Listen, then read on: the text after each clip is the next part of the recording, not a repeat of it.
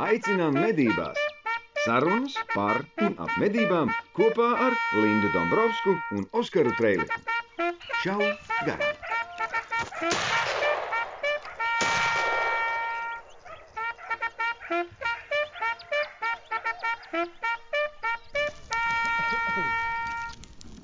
Galvenais tā problēma, problēma jau ir tāda, ka uh, visu laiku ņem ārā. Pat tad, ja ir kaut kādas populācijā fluktuācijas, paliek sliktākas, paliek labākas, visu laiku ņem ārā, bet tad, kad paliek labāk, tad atpakaļ jau neviens neliek. Un tad, ja mēs gribam ielikt jaunu sugu, tad Dievs pasarg Dievs, tāpēc, ka tas mērķis ir vienkārši pilnībā un totāli aizliegt putnu medības. Tas ir galvenais mērķis. Acīm redzot, ko tu vēl gribēji no ornitoloģijas. Nu, labi, ne visiem. Bet Nu, jā, vienas daļas. Vienas daļas, jā. Nu, jau nav jau cita opcija viņiem. Viņiem Kāpēc tu tāda- domā, ka nav opcija, Oskar? Nē, nu, es domāju, gribēšanas opcijas ir vienmēr, bet nezinu, vai viņas kādā gribēs izmantot. Es vairāk to, ka tieši tas ir tas, nu, kāds ir viņa biedrības mērķis, to viņi arī strādā, un tā viņi pelna naudu. Nu, droši vien. Acīm redzot. Nē, nu, protams, jā, bet nu labi. Sākam, sākam no sākuma. Davai. Mēs jau Jā. paspējām, paspējām sacerties, pirms mēs sākām uh, epizodi. Ļoti labs sākums, Linda. Šis ļoti labs sākums. Kārtīgs, kārtīgs aperitīvs. Uzjūtīja apetīti. Jā. Pēc tam uz, uz, uz beigām iedzersim limoņu čēlu.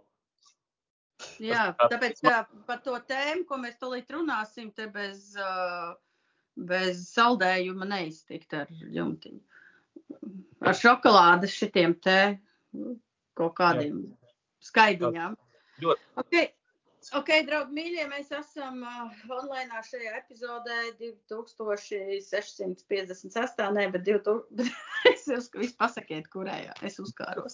216. Jā, 216. epizode mēs online beidzot kaut kādā veidā Oskaru noķērām, kurš visu laiku pa visumu zibinājās turpu šurpu. Šonadēļ, šonadēļ baigi daudz visādas skriešanas, tādēļ nolēmām apsēdīsimies un visi trīs parunāsim online. Uh, varbūt vizuāli tik labi neizskatās, bet uh, saturs jau nemainās. Jā, nemainās gan. Apstiprinām, apstiprinām līdzi. Tas tā ir. Diemžēl, jā, bet nu, tāds ir Kāds tas. tev ir, Oskar, kāds tev ir attaisnojums par to, ka tu biji mūs pametis visu janvāri? Es jūs nepametu nemazam. Es tādu kā no maliņas visu laiku skatos. Ha, ha. Vai ne? Tā kā nē, nē. Daudz darba, daudz darba. Kā parasti, kā ierasts. Ierasts ir jauni darbi, kur ir jāapgūst un ko un tā un šitā un tā. Un gads ir iesācies baigi strauji, līdz ar ko jāmēģina skriet tam tempam līdzi, bet, lai ieskrietos, vajag ieskrieties. Tieši tik vienkārši. Tā kā tā. Tas bija no teksta, zāle ir zaļa, jo zāle ir zaļa. Tie jau zaļi, zaļi, jā, zaļi, jā. Tā kā, tā kā kaut kā tam līdzīga. Dzersim dzeramo un runāsim runājamo. Okay.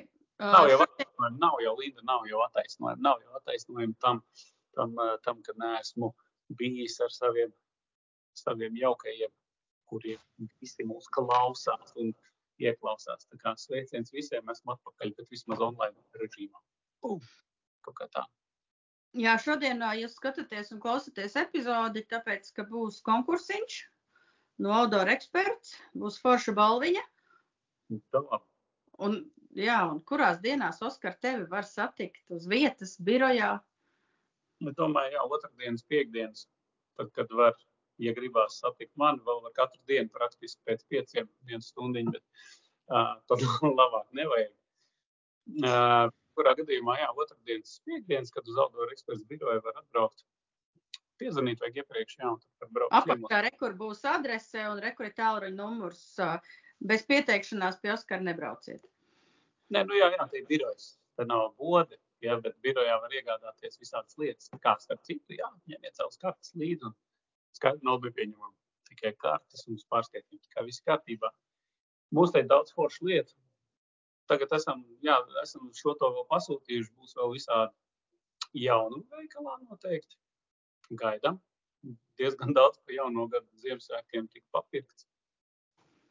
Tā kā kaut kā tam līdzīgi, jā, ja kāds grib kaut ko foršu, kādu labu nazītu kārumu vai svilpes, welcome. Man liekas, ka tagad ir īstais brīdis, kad svilpēm vajadzētu tīri labi iet ko. Vai ne? Nu, jā, mums ir jārunā par svilpēm, jo principā bija tā, ka mēs ar Indulī, nu jau būs divas nedēļas apkārt, braucām medīt lapsas. Jaunā tas viss stāsts ir safilmēts, tur ir divi video vismaz un būs divi stāsti februāra numurā, žurnāla, nu jā, februārs ir klāts žurnāla medības numurā un braucām medīt lapsas. Nu, tā kā izdomājām, jādara tas ir, nu, tāpēc, ka filmēt vienam ir diezgan grūti, un tad mēs vienu svētdienu ņēmām ā, iniciatīvu un aizbraucām pie Induļas platībām pamedīt lapsas. Īsāk sakot, piedzīvojums bija vienkārši nenormāli labs. Nu, kā ne, nu, tas ir tā, ka tu saproti, ka, ja tu to dari darba vajadzībām, tad tik foršs darbs nekad nevienam nekad nav bijis. nu, sāksim ar to. Tas ir tā kā Bet- zin, novēlējums šim gadam, kā visiem šajā, šādi. Nu, jā, lai jums darbs sagādā tikpat daudz prieka, kā mums uh, bija ar Induli. Bet uh, stāsts ir par labs medībām. Um, ja tu paņemtu, parādīt man nav par rokai svilpī, kas ir agonija un šitais mini un pelīti, vari paņemt? Jā, tu Jā, ok, labi. Nu tā, un uh, par tām, par tām detaļām, uh, par tām detaļām ir tā, ka viss tas stāsts būs, bet uh, Indulis bija ar ieroci. Uh, es biju ar svilpēm un ar kameru, filmēju sevi un Induli no visām iespējamām pusēm. Plus mums vēl bija abiem testam bija termiķis, pulsārs. Termo- Termobinokļi. Jā, tu termobinokļi bija. Es jau braucu uz to visu pasākumu ar domu, nu, kā parasti, ka tu gribi kaut ko safilmēt, vai sabildēt, vai uztaisīt rakstu. Atceries, Oskar, tieši septiņus gadus atpakaļ mēs ar tevi trīs dienas lapsas medījām, un tā arī beigās vienu nomocījām. Jā. Līdzi. skrējām pakaļ pa sniegu. Paņem nazi, ko? Šitas te stāsts, jā, starp Jā, citu. jā. Esam Nu, stāstījis. gandrīz līdzīgi, bet bez, bez nāžu Tikai saucieni bija citi. Saucieni bija citi, nevis paņem nazi, bet nešauj. Un uh, aizgājām lauka vidū. Induls ar plinti, nomaskējušies, baltā, gatavi. Pasaucu ar agoniju, tad pasaucu bišķiņu ar mini. Pasaucu atkal ar agoniju, tad atkal ar mini. Un re, kur ir uh, Oskars rādā agonija, Nordika agonija, kas ir forši lietojama svilpa, tikai nevajag viņu piespļaut, un tad ir uh, otrs ir uh, mini. Jā, un otra ir mini. Viņiem toņi bišķiņi atšķirās, bet paspēlējos ar vienu, paspēlējos ar otru. Desmit minūšu laikā parādījās viena lapsa. Sāku uzreiz, kā viņa bija diezgan tuvu, sāku pūst pelīti. Bet uh, viņa kaut kā iznāca tā, ka Induls nevarēja raidīt šāvienu, jo Tur bija nogāzies bērns, tur bija nogāzies bērns, biezi zari, un tā lapsa tieši aiz tā zaru tāda muģekļa, un raidīt šāvienu, nu, principā nekādas iespējas, nu, lai trāpītu lapsai. Un, un, tad, uh, un tad pagāja vēlreiz paspēlējos ar uh, mini un ar uh, agoniju. Un, un pagriežos uz aizmuguri, un tur lapsas tā nāk pa lauku. Un tad uzreiz, kad tā lapsa ir tuvākā distancē, pārslēdzās uz to pelīti, lai nenobiedātu viņu vai baigais troksnis jau no tām silpēm. Un uh, Induls raidīja šāvienu, un tad mums bija piedzīvojums. Jā, Jo indulim bija krietni nosaluši pirksti. Un, uh, nu, principā es zinu, kur ir sprūda mēlīte, bet sajust, lai varētu mierīgi nospiest, uh, nu, bija ļoti apgrūtinoši. Un arī uh, nu, tā lapsa bija tāda, nu, stipri tuvu nepienāca. Nu, tad nācās doties lapsai pēc tam pakaļ, izmantojot suņa pakalpojumus. Nu, jā un tad. Uh, Tas un ir tad. Kāpēc no aizmugures nāca? Jūs kā vējā sēdējāt? Mēs stāvējām lauka vidū, pie ozola lauka vidū. It kā skatījāmies uz uh, vējā iekšā, viņa iznāca, nu, tā kā mums, nu, arī viņa ienāca vēja, tā kā, nu, ne otrādi. mēs, mēs mēģinājām saprast, no kurienes tā lapsa nāks, bet viņi iznāca citā virzienā. Mēs cerējām, mēs pēc vēja domājam, ka viņi nāks no priekša no sāniem, viņi iznāca aizmugurē. Bet mēs bijām rītīgi forši. Tātad galvenais ir strateģiski atrast pareizo vietu pie ozola lauka vidū, ka tu vari redzēt uh, uz visurieni riņķi. Lai nav tā, ka tu sēdi tonī un tev tā lapsiņa klusiņām gar mežmalu aiziet garām, un tu tā arī nepamani, ka viņi ir atnākusi. Bet, uh, ja kurā... Galvenais ir izvēlēties to ozolu laukā, kurā ļoti vēlu nokūla grīķus. Un tur daudz kas ir sabiris zemē, tur reāli ir peles, un līdz ar to tur reāli nāk lapsas, nu, biezā slānī lapsas. Mm. Nu, jā, peles ir daudz uz tiem laukiem. Tur īpaši ar termiņu var ļoti labi to redzēt. Perfekti. Bet, jebkurā gadījumā, uh, viss tas stāsts būs žurnālā, bet uh, tieši šitās trīs svilpes es pieņemu, ka strādāt jebkuras citas. Bet tā galvenā nianse bija tad, kad uh, Tad, kad tā lapas jau ir redzama un tuvāk, tad tu paņem to mazo kluso pelīti, jo pe, no pelītēm viņa nespēja atteikties. Nav nu, skaidrs.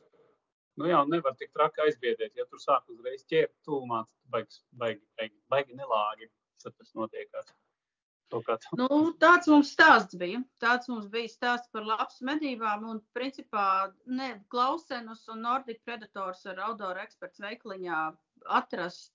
Oskars arī um, Oskars arī nokonsultēs, kādas labākas silpas iesācējiem, kādas neiesācējiem. Es pat ieteiktu vairākas svilpes, lai toņi ir dažādi, jo mēs esam baudījuši arī Oskars zina, ka, zina teikt, neļaus man samalot, kā saka latviski, par to, ka, ja tev nenāk ar vienu, tad vajag pamēģināt kādu citu toni.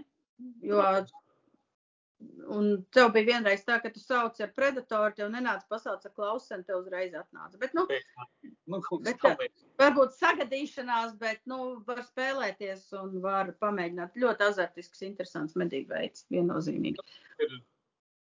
Es nevaru izteikt to, to mazo kaifiņu, zin kā, ka tu, ka tu viņu sauc un viņi nāk. Ja? Viņi pēkšņi uzrodās, jā. Pēkšņi uzrodās, jā. Tieši tā. Nu, bet tā. Šī no silpēm to mm, raudošo putnu. Man tāda arī ir no Jā. šī paša, kā tas darbojās. Zikā, arī darbojās. Uz, vairāk viņš būs es domāju, ka putns vairāk uh, būs uh, arī uz mazajām jaunajām lapsiņām, vairāk uz rudens pusi, tāpēc, ka es zinu to, ka ir daudz mednieku novērojuši, ka uz uh, to zaķi, kas ir liels un spēcīgs medījums, uh, lapsiņas mazās var arī nenākt. Viņas tā kā kaut kur ir, bet ne, neparādās, jo viņām ir bail, jo liekas, ka tur atnāks kaut kas lielāks, spēcīgāks un viņi dabūs prīkli. Nē, nu tas ir viens. Otrs, kad jāatcerās, ka no visām tām silpēm var izspiest vēl visām kādas zvērus. Ja? Teiksim, nav tā, ka tikai tu nopērci to un tur ir rakstīts tieši tas, un tas arī it kā tā kā būs. Var variēt ļoti daudz, ar, ar vienu svilpu jau visādas tās skaņas var dabūt ārā. Ja? Bet visforšāk ir, jā, lai tu dabūtu tos dažādos toņus, tur smalkāk, rupjāk, ķērcošāks, vēl kaut kas, jo pēc savas būtības jau labsai labs jau nenāk. Viņa tā dzird, oh, zaķis, tas nāk uz zaķa vai tur kaut kāds putns. Viņa nāk uz diezgan tādu ķērcošu skaņu, viņa ir šausmīgi interesanti. Viņa nāk uz to, ko mušī nost. Un, ja tur kāda mušī nost, tur ir paika, ēdiens. Tur ir ēdiens, jā, tā teikt. Un, un kas ir vislabākais, kā lai saka, dzinulis, labs tā bats. Tātad jāskatās laika apstākļus, foršāk. Tāpēc arī salātas notiek ne tikai tāpēc, ka ir rakots, tāpēc, ka viņi vienkārši ir ļoti grūti dabūt pārtiku tas pats galvenais. Un, un kā lai saka, izmantojot šo brīdi, kad, vai konkrēto brīdi, kad lapsām ir bats, tad, tad ir vislabākās medības uz vilku. Ja pamēģiniet pasilkt kaut kādā, nezinu, vasarā, pavasarī vienalga. Nu, uz stirnām nāk, vasarā uz stirnu, kazlēnu un uz kazu nāk, tā kā pa dienu. Normāli varība, jā, jā, jā. Šā garām jaktei būt. Bet ne par to stāstu. Respektīvi, stāsts par to, ka var dažādos veidos arī izmantot svilpes, bet viņas vajag vairākas, un tad ir, tad ir uzreiz labi. Nu, trīs pilnīgi pietiek, manuprāt, dažādiem tiem apstākļiem. Tā kā Līna teica, ja, ir kaut kāds spēcīgāks, lai tā kā tālākām distancēm, un tuvākām distancēm kaut kas mierīgāks. Jā, ja. un, un tad var svilpot uz nebēdu. Jā, jo, piemēram, apgūstot, apgūstot to mini, kas ir viena no vispopulārākajām, tur var četras skaņas dažādas patiesībā dabūt ārā. Vismaz ir rakstīts aprakstā. Pele, uh, liekas, kazlēnu var mierīgi dabūt ārā. Uh, to zaķi un vēl kaut ko skaļāk, klusāk, tur dažādi var operēt. Principā, jebko. Un man īstenībā ļoti, man person, personīgi ļoti patīk tas, tas Nordic Agonija. Viņi baigi viegli lietot. Ir. Mhm. Bet, ja atšķirībā tām mēlītēm, piemēram, te var, var apstīties, ja, jo, ja, ja parastais, uh, parastais mini ir nu, klasika ja, ar to vienu mēlīti, tad agonija, agonija variantā ja, ir tāda mēlīte, kas ir pa vidu starp tām plasmasiņām. Un te faktiski ar zobiem tur var diezgan viegli jau operēt ar šo. Ar šo es teiktu, pat ir, nu tā, ja jāsalīdzina, ar ko ir grūtāk, tad ar mini ir grūtāk strādāt nekā ar agoniju. Man, manā, gadījumā, man, tā šķiet. Tāpēc, nu, bet jebkurā gadījumā tās skaņas ir darīt. Mm, Nenormāli. Ja, vais, ja jūs vēl dodaties, brau, braucat medībās divatā vai vairāk, var arī pat lieliem laukiem sasēsties vairāk mednieku, protams, lai ir drošāk. Viens sauc, otrs vērot, trešais vēl piesauc, tā kā nosedz lielāku laukumu. Patiesībā ir ļoti interesanti, aizraujoši. Visu dienu var medīt, un tad vakarā var pārsēsties jau ar termiķu naktinieku uz cūciņu, ienotsuni, lapsu tajā skaitā un turpināt baudīt pasākumu. Jā, jā, Linda, īpaši par to pēdējo. Man atkal ir stāsts par to pēdējo mirkli, kad tu pasteidies vakarā uz, uz tornī. ja? Tā kā es pamēģināju, es nezinu, stāstīju, nestāstīju laikam. Uh, kad es aizbraucu uz uh, cūciņām pasēdēt atkal. Ja? Un es domāju to izdarīt, protams, nu, vislabākajā laikā. Tas ir laiks, kad, kad tev ir brīvs laiks. Ja? A brīvs laiks nevienmēr uh, iekrīt nu, tā kā, tādā harmonijā ar meteoroloģiskiem apstākļiem. Ja? Tad, kad saproti. Un tad tu paskaties ārā, ir mīnus 15. Tu tā kā vajadzētu iet sēdēt uz torni. Nu, tāpēc, ka cūka tad nāk tā kā paēst. Nu, jā, Nu. protams. Cits darīts. Es paņēmu bovaku, man ir bovaks. Tas ir tas, tas uh, mednieku guļamais, ne, bet, nu, mednieku mais saucamais siltais un tā. Aizbraucam. Saka, nu, kur kas kā? Nu, vai sēdēsim divos tornīšos, bet, nu, te cūkām ir jānāk. Nu, te viņas nāk visu laiku kamerā. Ir simt punkti gandrīz. vai. Otrs reizes pasēdēt citur. Es saku, bet kāda ir tā? Nu, šis ir tāds pusatvērtais tonis. Mums ir vēl viens siltinātais tonis, kur var arī nu, iekurināt. un Būs vajag silti, bet, bet tur tās cūks taču nenāk. Nu, labi, es sēdēšu te. Nu, tāds, zin, kā vakars, tumšs jau. un Visu uzliek uzrāpjos.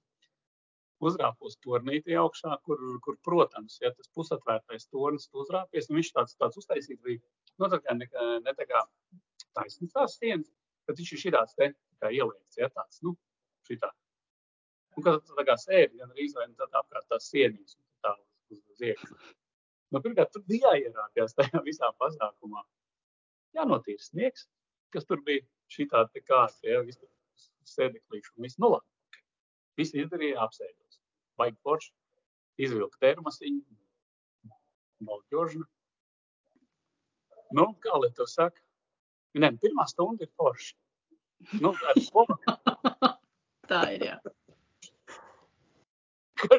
baudi, tā lai saka, labi, ka vēšā nebūtu. Viss kaut kas grab, kaut kas klab, kaut kas čurkst. Gaito cūciņu nenāk. Vispār ne, tā, nu, tā, ka nekas nenāk. Tu pasties vēl, it kā, nu, vajadzētu būt, nu, tā, ka jūt, ka augstāks paliek. Nu, tur nav tā, kā tas mīnus 15 bija pa dienu, ja. To naktī, ja, tev tas mīnus 18 jau, tas jau, jau deg un galu jau vairs nejūt. Man vēl, nu, tā ir tāds, tāds cimdi vēl. Rokām it kā silti, kājas it kā silti. Nu, pie otrās stundas tu sāc jau, jau pēc otrās stundas tu sāc jau lēnām saprast, ka, ja Pārdomāt dzīvi, ja? padomā dzīvi, ja tu, tu līdz sāks domāt, ka tev gribās gulēt, tad tu arī no rīta tāds arī tevi te nocels tu līdās. Ja? Nu, siltā tēja palīdz, tas palīdz, bet tu saproti, ka tev tam ir tonī pat nav kur īsti pakustēties, jo tu šī sēdi šitā, nu, šī te, un tad te apkārt tev gandrīz tāds, nu, ka tās kustības vispār ir ierobežotas. Otrs, kas sēžot jakā, Un Bovakā tur vispār tas ir tāds lācīts. Nu, ļoti Es domāju, ka tā, nu tā, cūkas, lai viņas iet cūkot, lai viņas nāk, ja viņas gribēs. Saka, viss, davai beidzam, jau pusnakts ir jau, viss jau, tās jau vispār nejūt nieru. Jākaplē. Kaplē, jā, saproties.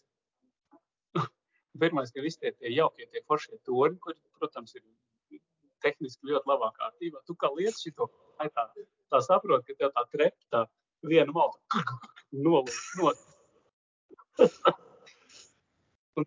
tu saproti, ka tev ir mugursoma, ierocis, un tu vēl esi tādā bovakā, nu tā, ka tev tas vēl, tad tā. Es tagad nolidošu vēl 12 naktī, mīnus 18 grādos no šitā te 4 metriem kaut kādiem tur. tā būs neko ļoti akurāti. Es nezinu, kā es tur nokāpu lejā. Nu, labi, ka tā otra puse nenok, nenokrīt, jo tad viņš vienkārši šitā te krist iekšā. Nu, tā kā, vienkārši ir atstutēts tā trepīts, un šitā te kaut kas stiprināja nolūzu, un tas tā palika. Un tā es būtu vienkārši tā, šitā te būtu arī tā, vienkārši nogājis tajā. Neko normāli. Es veidos mašīnā, mašīna, paldies Dievam, iedarbojās, viss bija ļoti labi ļoti veiksmīgi tika mājās. Visi ja, iekurināja kamīniņu, viss tā kā vajag. Un no, no rīta viss mēs tur divi ar ulu. Viņš tā atsūta man no rīta, nu ne no rīta jau ar pusdienu laiku, es vēl kamēr, kamēr ņēmāmies. Nākamajā dienā bija skaista saulaina ziemas diena, arī kaut kāds mīnus desmit, bet nu, saulītas spīdu, kas viņš man atsūta bildi no kameras. Tūks atnāca kaut kur 12.30 pa dienu. Ja? Labdien! Viņš naktī nekustējās nekur. Viņš vienkārši gulēja tajā augstumā. Ir viens vietas viņā vispār tas viss bija. Viss tā barošanās. Nu, tā, ja, viņa, ja tā cūka kustās, viņa tērē enerģiju. Loģiski. Nu, pat, līdz ar to tādā uh, secinājums tāds, ka tādā lielā mīnusā nav jāņem uz saldu tajā naktī. Ja? Vienkārši nu, jāskatās, uh, kā viņas rīkojas, kameras ja ir. Tad Skaidrs, viņas nāca siltākā laikā, saulainā pusdienlaikā vienkārši uz barotāvēju.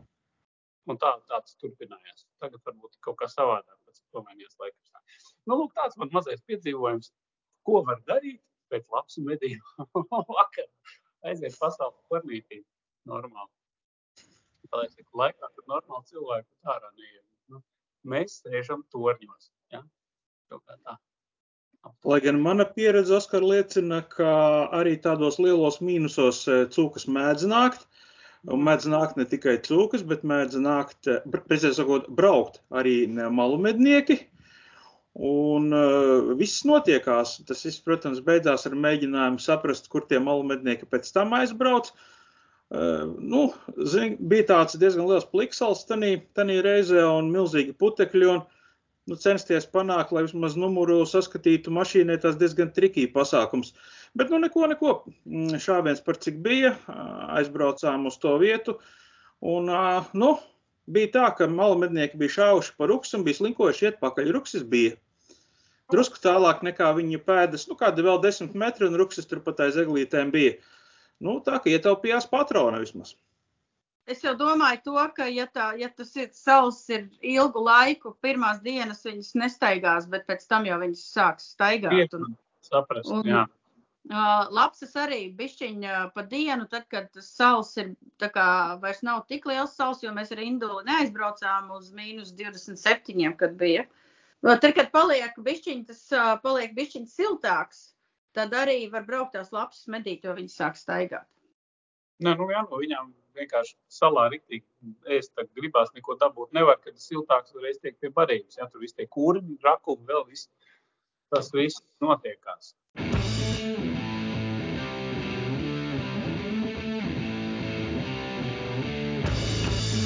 Laikas, tās pašas laikas, ko mēs labi zinām, tas ir kā skrien un dzen. Ir dažas lietas, ko nevajadzētu sabojāt. Tas ir um, novārīt un turēt gaisā, kad viņš apdeg.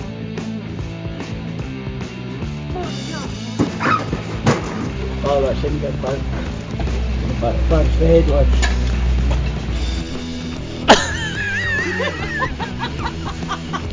Jūs koriģējat savu trāpījumu uz augšu, uz leju, noslēgums rezumējums būs svētreneri. Ir gadījumi, jā. Bet labi, par to mēs šodien nerunājam. Mēs šodien runājam par sagatavotajiem grozījumiem medību noteikumiem, kas bija uh, izlikti publiskai apspriešanai. Tur ir visādas interesantas lietas saliktas. Es tur kaut kādus dažus punktus es pat nesaprotu, ko viņi tur ar to ir gribējuši darīt, jo es nekādu atšķirību neredzu, bet nu labi. Bet uh, galvenais divas lietas, galvenais, uz ko tas tie grozījumi medību noteikumos tagad attiecās, uh, paredzētas izmaiņas medīvo dzīvnieku sarakstos tieši attiecībā uz putniem, uh, uzliekot limitu vienai reizei pīlēm publiskā ūdens tilpē, mainot bišķiņu sezonas, meklējot kompromisus ar uh, zaļajiem. Es pat negribu, es nezinu, mums ir antimedniekiem vai putnistiem šajā gadījumā. Zaļiem. Arī mēs esam zaļi domājuši tomēr, ja? Nu, jā, un uh, pieliekot klāt kaut ko jaunu, es nezinu, vai mums tas izies cauri, uh, bet uh, pats galvenais, pats pats galvenais ir tas, ka ļoti šajā mirklī medību noteikumi tiek, tiek pielāgoti, mēģināts pielāgot situācijai, ka lietot mednis būs obligāti. Es gribu uzreiz teikt, ka šie noteikumi visi ir saskaņoti jau ar nevalstiskām organizācijām Latma uh, LMS. Viņi ir piedalījušies ilgu laiku darba grupās. Šis ir tas kompromiss, pie kā viņi ir nonākuši. Bet uh, tas, kā lai pasaka, tas saraksts ar iebildumiem no tiem, kas nav mednieki, bet ir visi pārējie kaut kādi. Tas saraksts ir nereāli garš. Tur ir no ķemera Nacionālā parka fonda kaut kāda, es nezinu, kas ir laina. Kas ir laina? À, biedrība Latvijas ainavas, protams, nu, protams, kā tad, kā tad, bet no Latvijas ornitoloģijas biedrības, no Varama. Uh, un mēs arī par ko mēs sākumā runājām, uh, kāpēc cīnās par tiem visiem, uh, par to, lai tie dažādie putni paliktu medījumos sugu sarakstā, pat ar ierobežotiem kaut kādām termiņiem un skaitu, ir tā lielākā problēma, ko es nesaprotu, ir par to, ka Tad, kad kaut kas ir jāizņem ārā, ok, izņemam, tāpēc, ka tajā mirklī populācijas stāvoklis, piemēram, visā pasaulē ir pasliktinājies, ir viss ok, bet tajā mirklī, kā populācijas stāvoklis uzlabojās, vai ja mēs gribam ielikt iekšā kaut kādas jaunas sugas, tajā mirklī mums to neļauj darīt. Un tad, tāpēc, ka tas viss tiek principā orientēts uz to, uz ko arī iet, lai pilnībā un totāli aizliegtu, piemēram, putnu medības. Nu, es redzu, es tikai to redzu, ka iet uz to vai arī atstāt ļoti, ļoti maz sugu, neraugoties, piemēram, uz to, ka zosis visā Eiropā sagādā ļoti lielas problēmas, un ir vesela zosu platforma, kuras mērķis ir uh, radīt uh, sistēmu, kā viņi sauc, elastīgu apsaimniekošanas sistēmu, kas ļautu reaģējot uz kaut kādiem uzskaitas datiem vai esošo situāciju, uh, medīt šos putnus, jo zosis, ko mēs arī pavasaros redzam, nodara patiesībā ļoti lielu postījumu. Nu, un to, ko gribu iekļaut šobrīd, atkal atgriežamies pie mērkaziņas. Visi zaļie, protams, iebilst, tāpēc, ka pasaules mērogā skaits samazinās. Protams, grib izņemt ārā mežģīrbi, lai gan mēs jau iepriekš runājām, ka saskaņā ar valsts meža dienestu uzskaitas datiem Aizpagājušā gadā ir nomedītas 7, 39 mežģīrbēs, savukārt pagājušā gadā 75 sezonā mežģīrbi, kas vienkārši ir dramatisks skaitlis. Un es pieņemu arī iepriekš, ka mēs par to runājām, tad viens no galvenajiem argumentiem, lai šoreiz, lai aizliegtu medīt, bet, bija tāds frāze, ka jūs jau viņus tur baigi daudz nemedījat, tādēļ jums tas nav svarīgi un tā tālāk.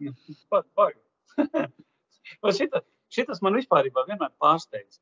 Tas ir līdzīgi zini, ar visu tā.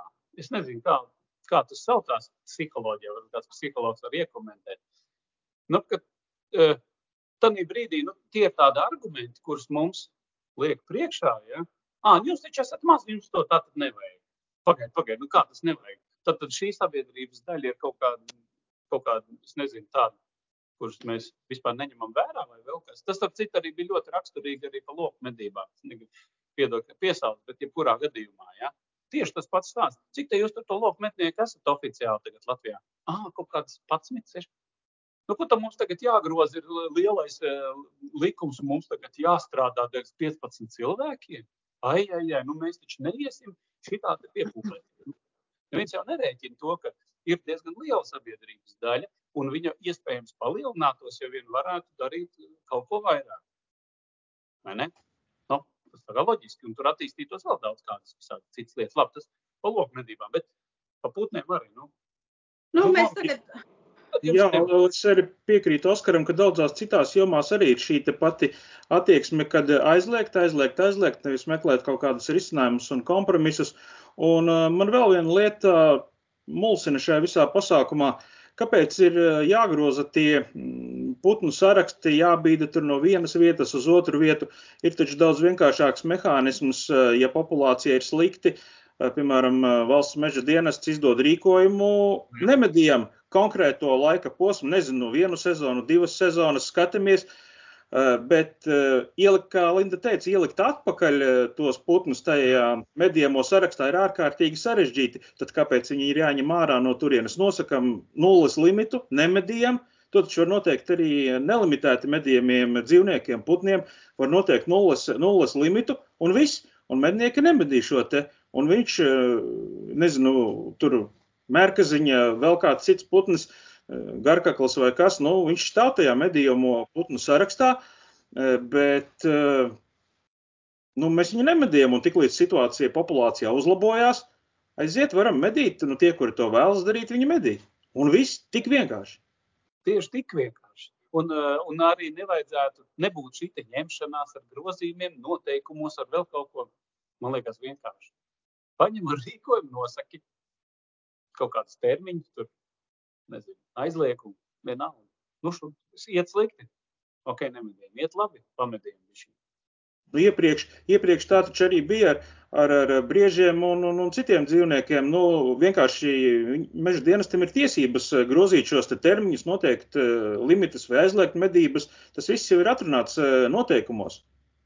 Viss vienkārši izmanto, meža dienests izmanto šīs savas uh, Eh, nostiprinātās tiesības, iespējas un viss. Kāpēc tur eh, spēlēt, es nezinu, maisīt tās kārtas?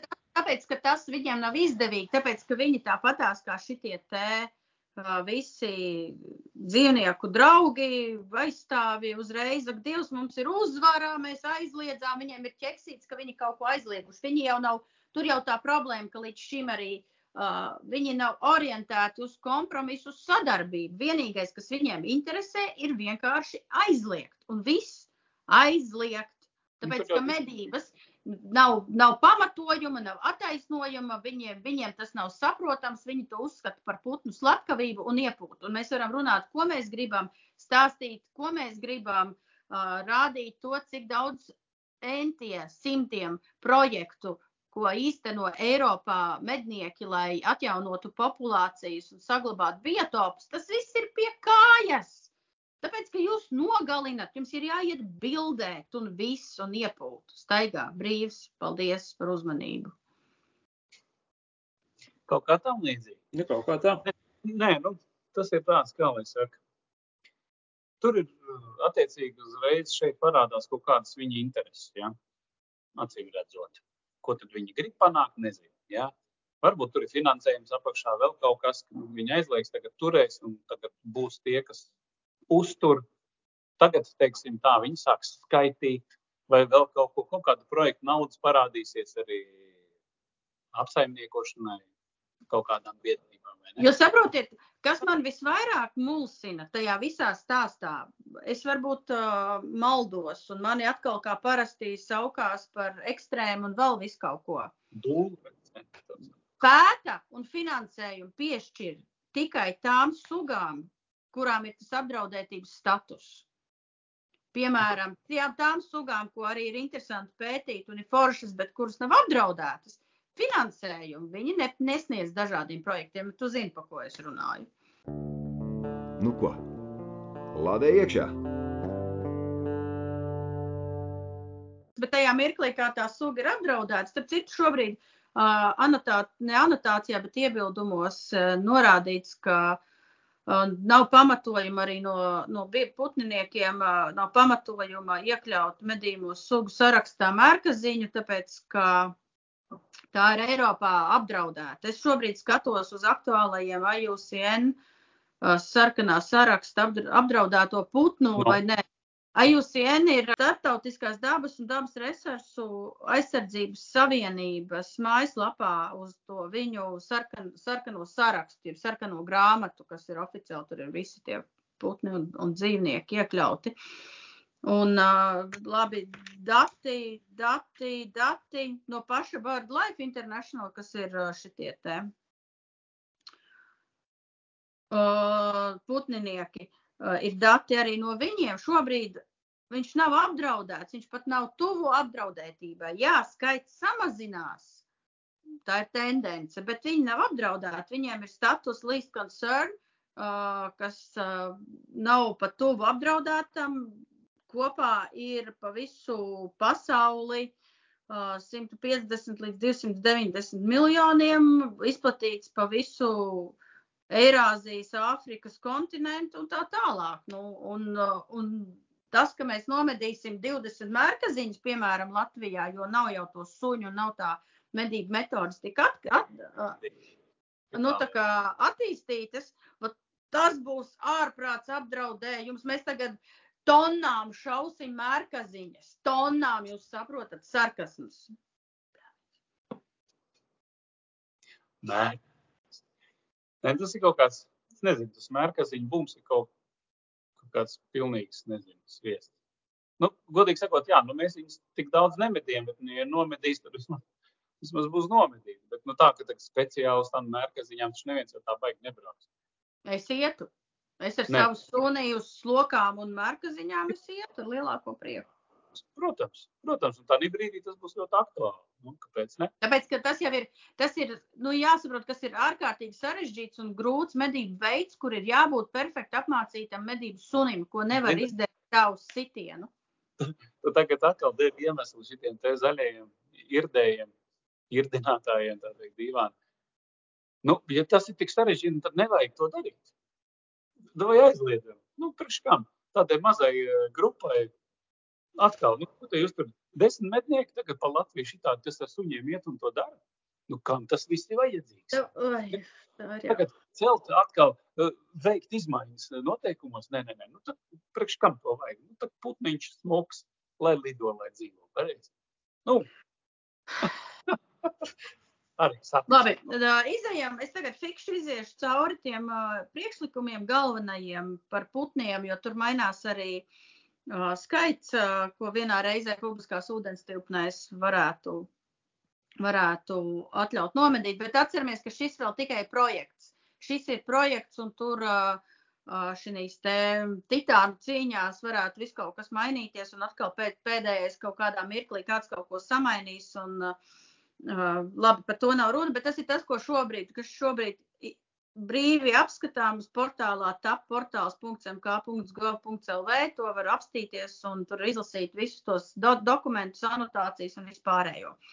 Uh, pa fikso. Pēc tam mēs papļāpāsim mazliet par medni arī.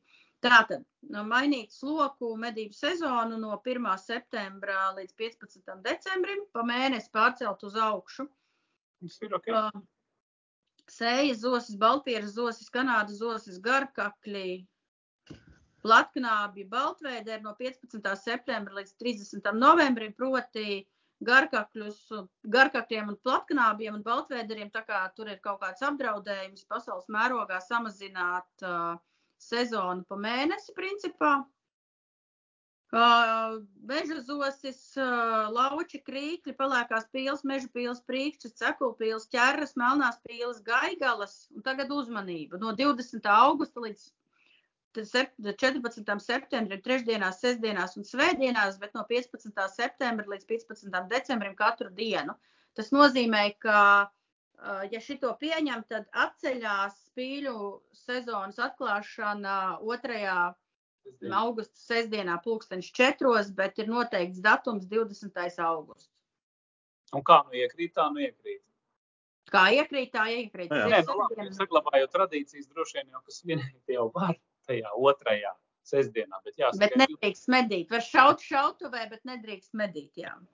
tagad viss būs eh, īstenībā šis atrisina vienu, vienu, eh, es teiktu, pat monolītu lietu. Ja? Nu, nu. Tag- Tagad ir ļoti legāli uztaisīt ballīti, jo visi brauks ballēties sestdienā. Un tā sestdiena vienmēr būs pirms 20. Vienmēr, saprot? No sākuma ballīte, un pēc tam medības draugi mīļie, nevis otrādi. Ja? Un tad ir, tā ir. Un vēl viena, vēl viena lieta, ko jūs varbūt nepiefiksējāt. Meža zosis ir tagad izceltas no tā, tā zosu punkta, bet pārceltas pie pīlēm. Meža zosīm uh, pagarinās sezona, principā pa nu, gandrīz mēnesi, nepilnu mēnesi. Tas nozīmē, ka varēs vietējās medīt. Jo līdz šim viss vietējās aizbrauc, aizlidoja, un tad uh, tās ceļojošās medīja. Tālāk, tad es te kaut ko nesaprotu, ko viņi tur mēģinājuši pateikt. Tad ir mēģināts ielikt mērkaziņu no 1. augusta līdz 15. decembrim. Es pieņemu, ka viņi varētu cīnīties to sezonu saīsināt. Tad ir tā, ka šajos noteikumos un medības reglamentējušos normatīvos aktos noteiktajā kārtībā zīdītē medīšana ārpus noteiktajiem medību termiņiem pieļaujam, ja tas nepieciešams postīm novēršanai, kā arī sabiedrības drošības un interešu aizsardzībai. Vilka, bebra, meža caunas, saska, baltā zaķa un zeltainā šakāļa medīšana ārpus noteiktiem termiņiem pieļaujam tikai tad, ja nav apmierinošas alternatīvas un netiek kaitēts attiecīgās sugas populācijas saglabāšanas, saglabāšanai labvēlīga aizsardzības statusā tās dabiskās, is- dabiskās izplatības areālā. Tas nozīmē to, ka, ja bebras posta, tad visticamāk atļauju jūs nedabūsiet. Oi, Tas nākamais punkts, Linda, las, tas būs laikam pats jautrākais. Ne? Nākamais ir tas, kas uh, ir daži mednieki, kuriem tas ļoti sāpēs. Jā. Mm -hmm.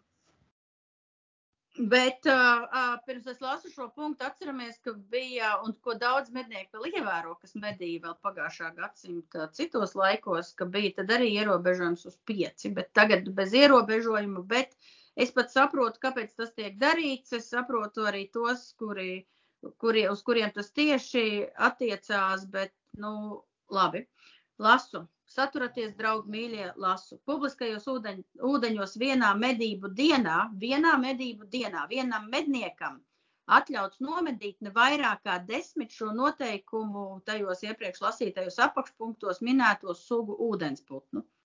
Starp citu, arī makšķerniekiem ir ierobežojumi, bet viņiem, piemēram, ir piecas zivis, tās piecas līdekas, makšķerēšanas reizē. Ja, viņš, ja tu aizbrauc uz makšķerēšanu uz piecām dienām, tad tu vairāk par piecām zivīm iznest ārā tajās piecās dienās nedrīkst. Tu vari noķert un atlaist, bet neiznest ārā. Savukārt te tie desmit attiecās uz vienu dienu, tā kā nu, Nu, katru dienu. Mēs jau nevaram atlaist vaļā. Nu, protams, jā. Un, un eh, publiskajiem ūdeņiem, un publiskā ūdeņu saraksts ir ā, atrodams. Jā, Ā, privātajos, un- nē, privātajos medījat, cik jums patīk, acīm redzot. Ah, Tad, tad tā ir nianses. Tad Tā, dīķos, dīķos privātajos, piemēram, ja, kur parasti arī notiek atklāšanas, tur var medīt cik grib. Bet publiskajos ūdeņos tikai un vienīgi desmit. Ne vairāk kā desmit. Ne vairāk kā Nav, nav jau obligāti jānomedī desmit. Nē, nu jā, jautājums, ko darīt, kad tu brauc no publiskās ūdens tilpes. Jūs bijāt pieci draugi, vai ne? Katrs nomedīja pa pieci, bet pār visiem pārējiem četriem tā kā negribās. Visi grib atdot tev tās pīles. Tu tagad brauc ar 50 pīlēm mājā. Tur var sanākt tas pats joks, kas ar makšķerniekiem. Makšķerniekiem arī tur ir tā, ka nu, tur jāspēj nodalīt, kurš ir tavs loms, kurš ir mans loms. Pretējā gadījumā, ja viss, teiksim, mēs makšķerējam divatā un visu metam vienā ķeselē, tad var sanākt jautri, kad piebrauc inspektors. Nē, nu kā, tad brīdī tu tās desmit savējās nobildē, vai ne? Ieliec mednī, piemēram, un katrs to izdara. Nu, tā, un viss, tad jau viss ir leģi. Viens vienkārši ved mājās. Katrs. Un vēl, Oskar, vēl, Oskar, braucu es, piemēram, no kāda privātā dīķīša piemedījis, nu, tur vezumu ar pīlēm. Nu, jābrauc garām, nu, piemēram, gar, eh, nu, Lubāna ezeru, nu, piemēram. Nu, vai Babītas ezeru, nu, kas ir publiskās ūdens tilpes. Un aptur inspektors, opā, a tev tur pīļu. Nē, nu, Bet, ja labi. tu, bet, ja tu esi visas pīles nobildējis un salicis mednī, rekord tev ir ar visu koordināciju, visām lokācijām, kur tu esi citur medījis. Nu, tas gan jā. Bet man fascinē, man fascinē tas latviešu mednieka uh, doma gājiens, proti Oskara doma gājiens, ka tikai atkal kaut kā izdomāt, kā apiet Linda, ierobežojumus. Linda, bet tā cilvēki domā. Tas tev jāsaprot. Protams, protams, protams. Bet kas man arī, uh, ā, labi, tūlīt par to es arī pateikšu atsevišķi, bet, uh, uh, bet jā, tas ir tas, kas attiecās uz putniem. Tās ir lielākās izmaiņas, uh, ierobežojums skaitām. Uh, Sezonas mainās, jāsāk vairāk ir atšķirt putnus, uh, bet, nu, labi, tagad jau tas ir aktuāli, jo brūnkakli nevar. Starp citu, par brūnkakli arī uh, visā pasaulē brūnkakļu skaits samazinājās, izņēma no no medījuma sugu saraksta, un tagad uh, ir novērots, ka atkal uzlabojās populācijas stāvoklis. Atpakaļ mēs viņu jau tāpat vairs nekad arī nedabūsim. Par to jau ir runa. Tādēļ es arī esmu teikusi, un mums arī vairāk ir jārunā par to, ka ja populācijas stāvoklis pasaulē samazinās, tad mēs varam uzlikt to nulles limitu. Valsts meža dienas to var ņemt, izdarīt un uh, uzlikt to moratoriju konkrētām sugām, piemēram, bet nevis ņemt no ārā. Nu, kaut arī tas moratorijas tāpatās kā šī te Igaunijā lūšiem ir desmit gadus. Nu, nemedīja un viss. Nu. Nu, kāpēc mēs tā nevarējām? vai Ne? Mums bija jāizņem, jāpārliek no viena saraksta uz otru un viss veikt ar Dievu. Un Tāpēc, ka viņi tav, nav, es saku vēlreiz, nav orientēti uz kompromisu, viņi negrib sadarboties. Man jau toreiz arī, kad es mēģināju kaut kādu kompromisu atrast uh, savā jaunības naivumā attiecībā uz medni, man pateica, mēs ar medniekiem nesadarbosimies un iepūt un visu un staigā brīvi. Bet kāpēc tad tieši viņi ir jāklausa? Kas ir tas? Kāpēc? Kas mēs kaut kādā esam, es nezinu, spitālīgie kaut kā mednieki vai kas? Jā, ja tu nogalini, Kāpēc nogalini, un, tu dab, un tas tev sagādā prieku, un to priecājies pa pīli beigtu. Vai, vai un. Mārka ziņā, ak, Dievs, es nomedīju Mārka ziņu. Nē, nu, tur ir tas triks. Nu ko, pārlādējam. Es nesaprotu, un tad brīdī, kad viņi ēd to desu, ja, viņš nepadomā, ka speciāli viņam audzē to, to lopiņu, jau pēc tam nokovi mehāniski kaut kā Tas tā. nav mantojums. Man to viņš neredz. Viņš jau to neredz, viņš to nezina. Saprot, gaļa jau kokos. Jā, pērkam viņu Tas apvalkā pati rodās. Gos dod pienu, vai ne? Man šita... Un uzreiz pakā. Nē, tas ir, starp citu, šis stāsts man ir izdzīves īstenībā, ja, tāds par to domāšanu, kā cilvēki arī ir, ir tādi, kas tā arī domā. Man bija savulaik arī kursbiedrs, ā, ar kuru mēs kādreiz, tas bija studiju gados, tā saucamajos, ja. Mēs diezgan daudz izklaidējāmies un vēl kaut kur braukājām. Viņš strādāja vienā no uh, tipogrāfijām, kur grāmatas tā kā, nu tā es ražotu, kaut kur ņemās darās. Un tad viņi tur bija tur tie, tie radošie džeki, tādi, tādi radoši, radoši puikas, kur, kur arī nu, tā kā, tās grāmatas skatīja. Visi ļoti izglītoti, forši cilvēki un kas. Un tad tur starp tiem diviem džekiem, viņš saka, vienā vienu dienu birojā viņiem izcēlās kaut kāda saruna. Viņi saka, nu, tur par pienu, vai pie kafijas pienu vai kaut kas tam līdzīgs. Es saku, aizēju nopērts tur veikalā. Viņš saka, nu jā, nu, bet nu, ko tad es tur pirkšu veikalā? Nu, tāda ķipa zaļa domājoša. Un ko tad mēs tur to gotiņu tur mocīsim? Kas? Viņš saka, kādu gotiņu? kādu? Kā gotiņu? Nu, govs dod pienu. Viņš saka, kā? Govs dod pienu?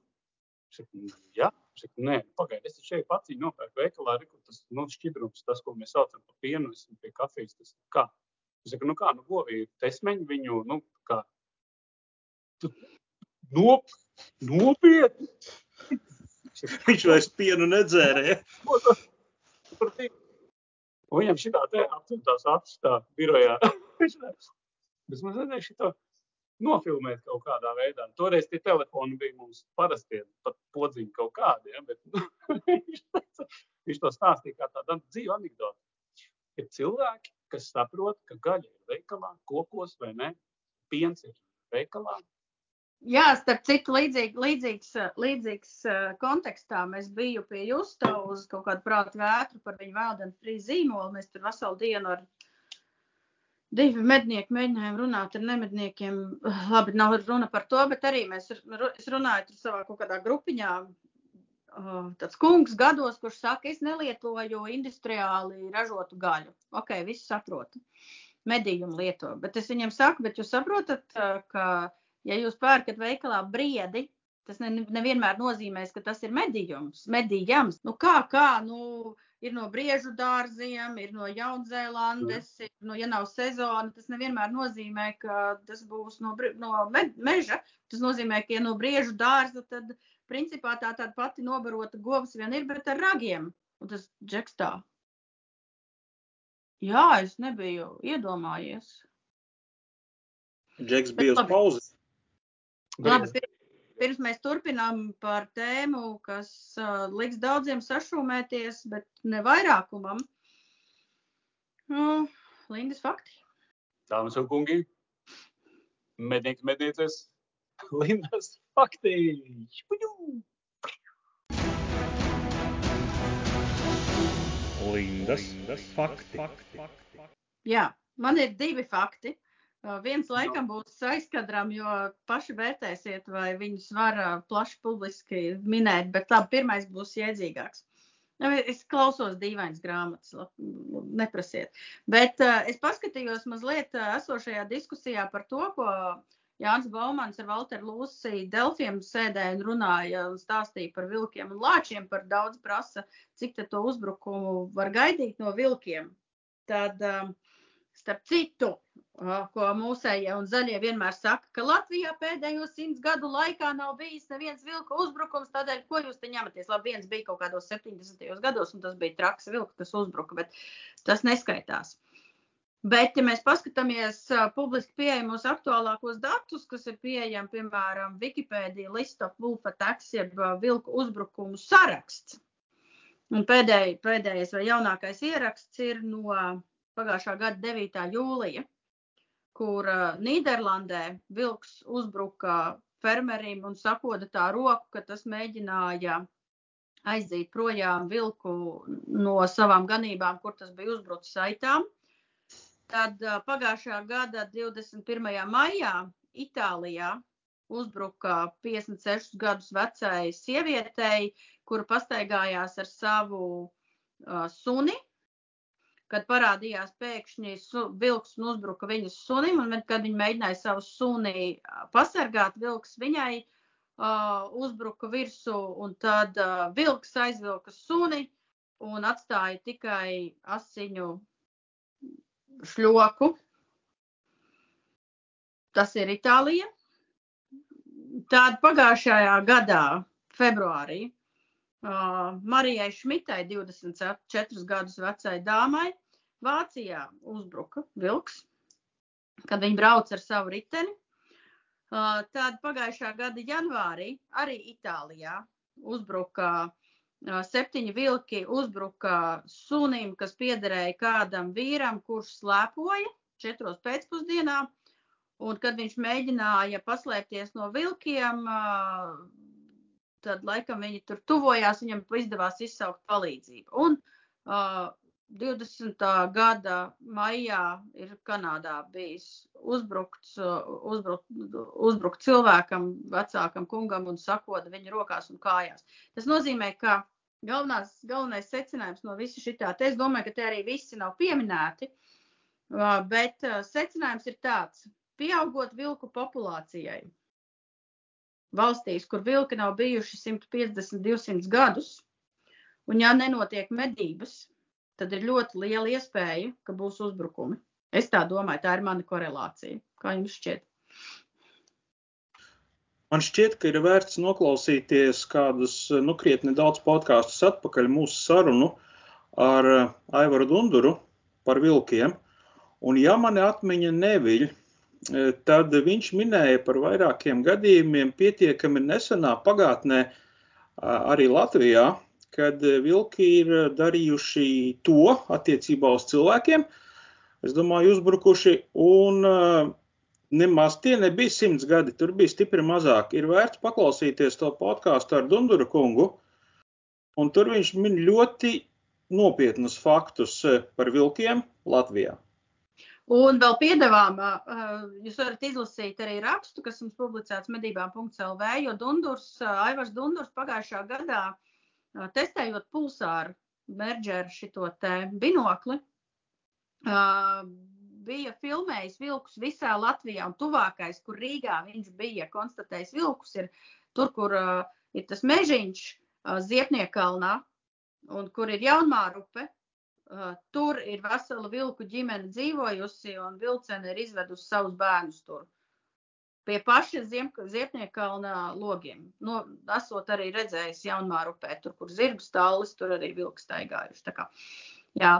Un otrs ir neķītrais, neķītrais fakts, Lindas fakts, kas man fascinē vienkārši no viduslaikiem, bet vairāk par makšķerēšanu nekā par, par medniecību. Bet nu, tā doma ir tāda, tā padoms dāmām, no baznīcas padoms dāmām. Ja vīrs vairs nav ieinteresēts savā sievā, tad vajag paņemt dzīvu zivi, iebāzt tur, nosmacēt, un pēc tam to zivi pagatavot un izbarot savam vīram, tad visas problēmas būšot atrisinātas. Kamēr ja kādi dzīve? pamēģinās, uzrakstiet mums, lūdzu. Kamēr dzīve nosmacē. Nu, kā dzīvu iebāž, pagaidi, kad beigt, un tad cep augšā. Bet nav datu par to, vai tiešām šo te ieteikumu, baznīcas ieteikumu izmantoja tajā viduslaikos daudz sieviešu. Man liekas, ka tur ir, zini, ir tā, ka, ka tik tās sievas nepaliek pie tās zivs. Nu, kā, principā to vīru nevajag. Saprot, ka laikam šitās macēt zivi ir daudz interesantāk nekā tad, kad vīrs aplec tā teikt. Bet, nu, Dariet ar šo informāciju, ko jūs gribiet. Ne, ne, tur ir tās higienas stipri jautājums. Es domāju, tur var tā, tas Nav vīrs bez tās sievas var palikt diezgan fiksi.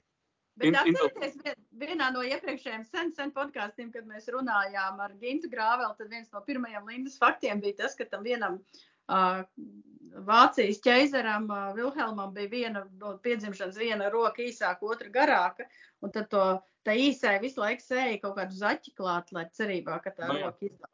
Nu, tas, Ka tas ir no tās pašas sērijas apmēram. Lindas, fakti. Aizpagājušā nedēļā bija valsts meža dienestā rīkotais seminārs par medni, tiem, kas izmanto uh, līgumus un par secinājumiem interesanti. Un šodien es arī biju vienā mēģina sanāksmē, ka patiesībā iet uz to jau ar, ja ar jauno, lai ar jauno medību sezonu, uh, ja to paspēs pieņemt MK noteikti, ja ja paspēs pieņemt MK noteikums, tad iet uz to, lai mednī sākt izmantot jau obligātā kārtā, un jautājot par pārējais laiku, tad šis gads principā jau bija pārējais laiks, kad cilvēki varēja mēģināt ziņot un tā tālāk. Bet man fascinēja viens jaunais mednieks, kurš mēģināja, mēģināja gribēja palikt, uh, uh, palikt uh, anonīms, un viņš man rakstīja savus pārdomas par medni. Uh, viņš ir ļoti stāvā sajūsmā par to lietotni vispār, un viņa viens komentārs bija tāds. Kāpēc nedrīkst mednī attiecīgie dienesti sekot līdz medību laikā mednieku atrašanās vietām? Tas ir kaut kāds cilvēktiesību pārkāpums. Viņš nesaprot uh, to, par ko baidās daudzi citi mednieki. Nu, bet, nu, ja viņiem vajag un viņi seko un viņi grib pārbaudīt, tad labāk, lai viņi redz, kur tie mednieki atrodas, nu, nevis bezjēdzīgi braukā apkārt un čakarē medniekus. Tāds lūdzu arī viedoklis. Ko jūs domājat par to, lai ieviestu medni obligāti? rakstiet komentārā. Droši, darbie draugi. Jā, Jā, bet tā, tas ir sviest. Nu, no vienas puses arī. Uh, bet ar tevi ko slēpt? Nu, ja tu visu dari pareizi, nu, tad nāk un bauda, cik tu gribi. Kaut piecas reizes dienā. Es visu daru tā, kā vajag. Es medīju atbilstoši noteikumiem. Es nepārkāpu likumu, neko, ne noteikumus. Nu, nāc un baudi, ja tev tik ļoti gribās. Re, kur es tā esmu? Hejā. Re, kur var pateikt, kur, cikos, kā es būšu. Jā. Nav problēma. Un Uh, tā, Oskar, septiņas uh, dienas nedēļā. Tev astotajā dienā piegriezīsies. nu, jā, nu, bet tev taču neviens nebaudīs. Ja mums ir septiņi inspektori, ko iedomājas, tad tas nozīmē, ka viens inspektors, ja, cik lielu resursu tev vienu tērē, lai tikai pārbaudītu dokumentus un pateiktu, ka viss kārtībā. Nu, būsim reāli. Zini, kā Oskar, zini, kā Oskar man teica viens eh, ceļu policists sen, sen, sen atpakaļ. Viņš teica, zini, draudziņ, arī pie staba var piesieties. Nē, nu, Nu, var, ir var. ļoti grib. Ne. Protams, bet jebkurā gadījumā, nu, jā, tā, ne, vienkārši viedoklis. Par medni runājot, es eh, patiesībā priecājos, ka tas iet tā uz priekšu un ļoti ceru, ka tos noteikumus pieņems, jo tas atvieglo un šausmīgi visas darbības. Eh, Kaut vai tagad, nu, piemēram, klubā, kur es medīju, mēs pagaidām tikai meža cūkus norakstam ar medni. Tas ir super. Nofotografēji un aizmirsi. Un viss. Tikai, nu, protams, jāpačeko, vai tiešām viss nogriezās, tā teikt, visa datu, datu pārsūtīšana iz, izgāja līdz galam pilnu ciklu, bet tas ir ļoti vienkārši. Jā, nu, saprotu, tajā sanāksmē seminārā, kurā es pati piedalījos, un uh, mums ir arī publicēts medībām.lv baigi foršie dati, piemēram, uh, kad visvairāk un vissekmīgāk arī nomedīja meža cūkas, piemēram, tas ir jūlijā, nevis dzinēja medību laikā, tad uh, patiesībā mēnesī nomedīja divreiz vairāk meža cūku nekā, piemēram, oktobrī vai novembrī. Uh, bet uh, Tur arī bija ļoti dažādi cilvēki. Viens cilvēks staigāja apkārt un mēģināja pierādīt, ka ne, ne, mednis nestrādā nezonā un ka tas samazinās mednieku skaitu. Bla, bla, bla. Un tad bija tādi cilvēki, kā piemēram no saldus visiem zināmais Mārs Bērziņš, kurš ir ļoti skrupulozs uh, vīrs, kurš vienmēr skaļi pauž savu viedokli. Viņš bija sajūsmā pilnīgā par medni. Viņš gan arī ieteica dažus uzlabojumus, bet viņa arguments bija tāds, ka Uh, principā viņam ar medni ir atrisinātas ļoti, ļoti daudzas problēmas un absolūti liekas darbības. Nu, visi tie papīri, skriešana ar savilcēju pa mežu, jebkurš no kolektīva var to savu nomedīto dzīvnieku medību laikā norakstīt. Viņi arī noslēguši līgumu bija par aļņiem un briežiem. Tā kā, un interesantākais arī bija tas, ka ja runā par zonu vai nezonu, tad lielākā daļa, absolūti lielākā daļa datu, ko ievadīja uzreiz pēc nomedīšanas, aizgāja pirmajā minūtē. Tie, ka tā, tie dati, kas neaizgāja pirmajā minūtē līdz šitam te, tas procents bija patiesībā ļoti, ļoti, ļoti, ļoti maziņš. Ar kaut kādu aizkavēšanos vai nelaikā nosūtīta informācija bija 437 meža cūks, jeb 1,75% vai nu aizmirsa, vai bija vēlāk nekā noteikts, tas vairāk nekā vienas dienas laikā.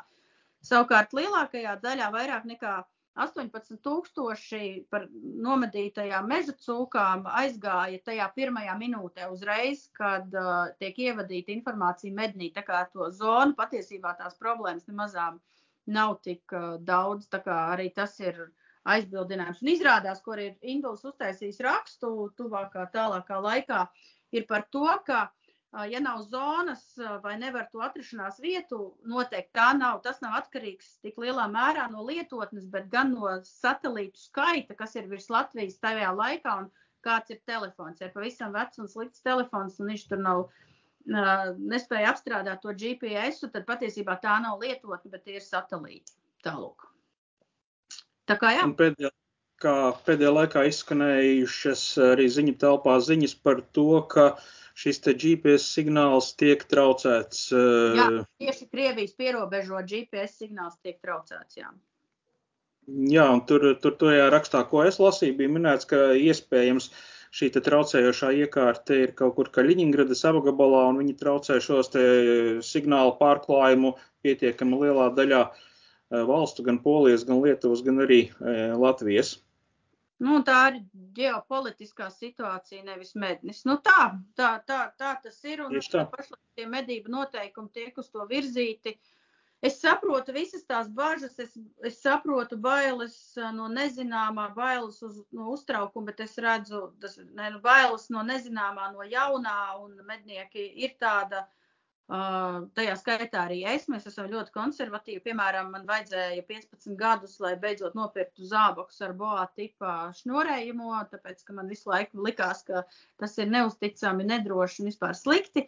Uh, bet šajā gadījumā uh, semināru laikā runāju ar daudziem cilvēkiem. Viņi bija Kārlis Strasdiņš šāvējs, zināms, arī mednieks. Viņš teica, ka viņš ir stāvā sajūsmā par medni, kā to izmantot, kā lietot. Gatis teica, mūsu pats panels, ka aizbrauc pie kolektīviem un ir ļoti baigā sajūsmā par to visu. Tā kā ir problēmas, kuras risina un mēģina padarīt to pēc iespējas vieglāku. Tas ir savādāk, jā vai sarežģītāk. Nezinu, tāpat man, manuprāt, šķiet mans personīgais viedoklis, ka tie, kas visi ļoti iebilst pret medni, patiesībā nepārāk caurspīdīgi medī.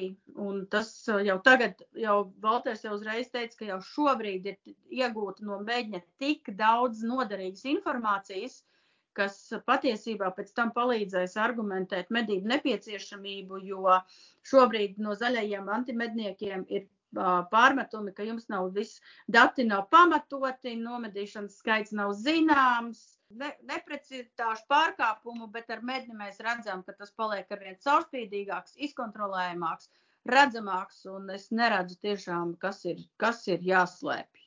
Punkts un āmen, kā Oskars saka. Precīzi. Ļoti labi. Tāpēc, tā arī paliksim. Ko tu Viss nu, kaut, kaut, kaut kas jāiebilst, savādāk mēs no mūsu klausītājiem saņemsim kaut kādus pārmetumus, ka mēs lobējam medni. Nē, laiks rādīs, un tie ir fakti, nu, lēnām.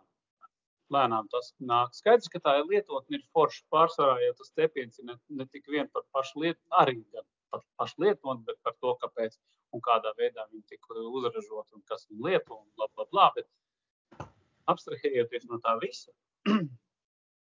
Rīgas ir ļoti labs.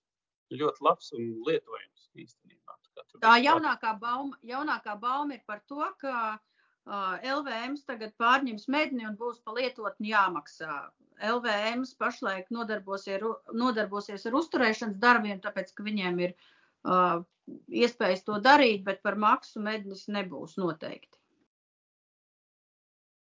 Nu, tik vienkārši. Mednis varbūt tas vēl kaut kas. Tā kā, jebkurā gadījumā lietojam to, kas mums ir, izmantojam to, jo vairāk statistikas arī būs valsts meža dienestam, jo labāk. Nu ko, lādē iekšā? Protams, varat padalīties savos stāstos par lapsu medībām, jo lapsas ir medības, kas ir jāmedī, interesantas medības, aizraujošas medības. Un, uh, daudz, daudz foršu emociju. Vismaz, ja nav lapsu, tad ir fantastiska diena pavadīt svaigā gaisā. Nu, tas noteikti. Simtprocentīgi. Tiksim tā. Un, ja vēl kopā ar kādu medību kolēģi, tas ir divi tik interesanti. Yes. Nu, tā kaut kā. Tā kā, dārgie draugi, noslēdzam šodien, šodienas jauko sarunu online. Un Re, kur jā, paskaties, cuņi arī jau Lindai tur lēc ārā. Smokolīgs. Tā kā, ja jums patiks epizode, jā, liekiet mūs te laikus, spiežiet, obligāti izplatiet mūsu izplatījumā un noteikti, noteikti, jā, uzrakstiet to komentāru, lai dabūtu balvu. Parādiet tiem, kas neredz internetu vai nav internetu vai nezin, kā atrast mūsu raidību. Tā kā mēs to novērtējam, tas mums ir ļoti, ļoti super veids. Protams, abonējiet žurnālu medības līdz gada beigām, jo mēs tagad īpaši strādājam pie interesantiem rakstiem, ņemam vērā jūsu visu ieteikumus par lietām, kas ir jāuzlabo. Šobrīd cenšamies ļoti pievērst tam uzmanību, padarīt žurnālu vēl interesantāku, saistošāku, aizraujošāku, jo bez žurnāla podkāstu šādā formātā nebūs iespējams. Tā kā atbalstiet mūs un pats pats galvenais, ko arī saka šitais te buču mūlītis ar krakena zobiem. Uh, ne, nemēslojiet mežā, nemēslojiet nekur. Uh, Viņam ir mīlestības uzplūds. Nemēslojiet mežā, nemēslojiet nekur. Ja jūs redzat, ka kāds to dara, tad aizrādiet un savāciet savus sūdus. Šaujiet garām. Šaujiet garām. Ņemamies nost. Masts beidzies.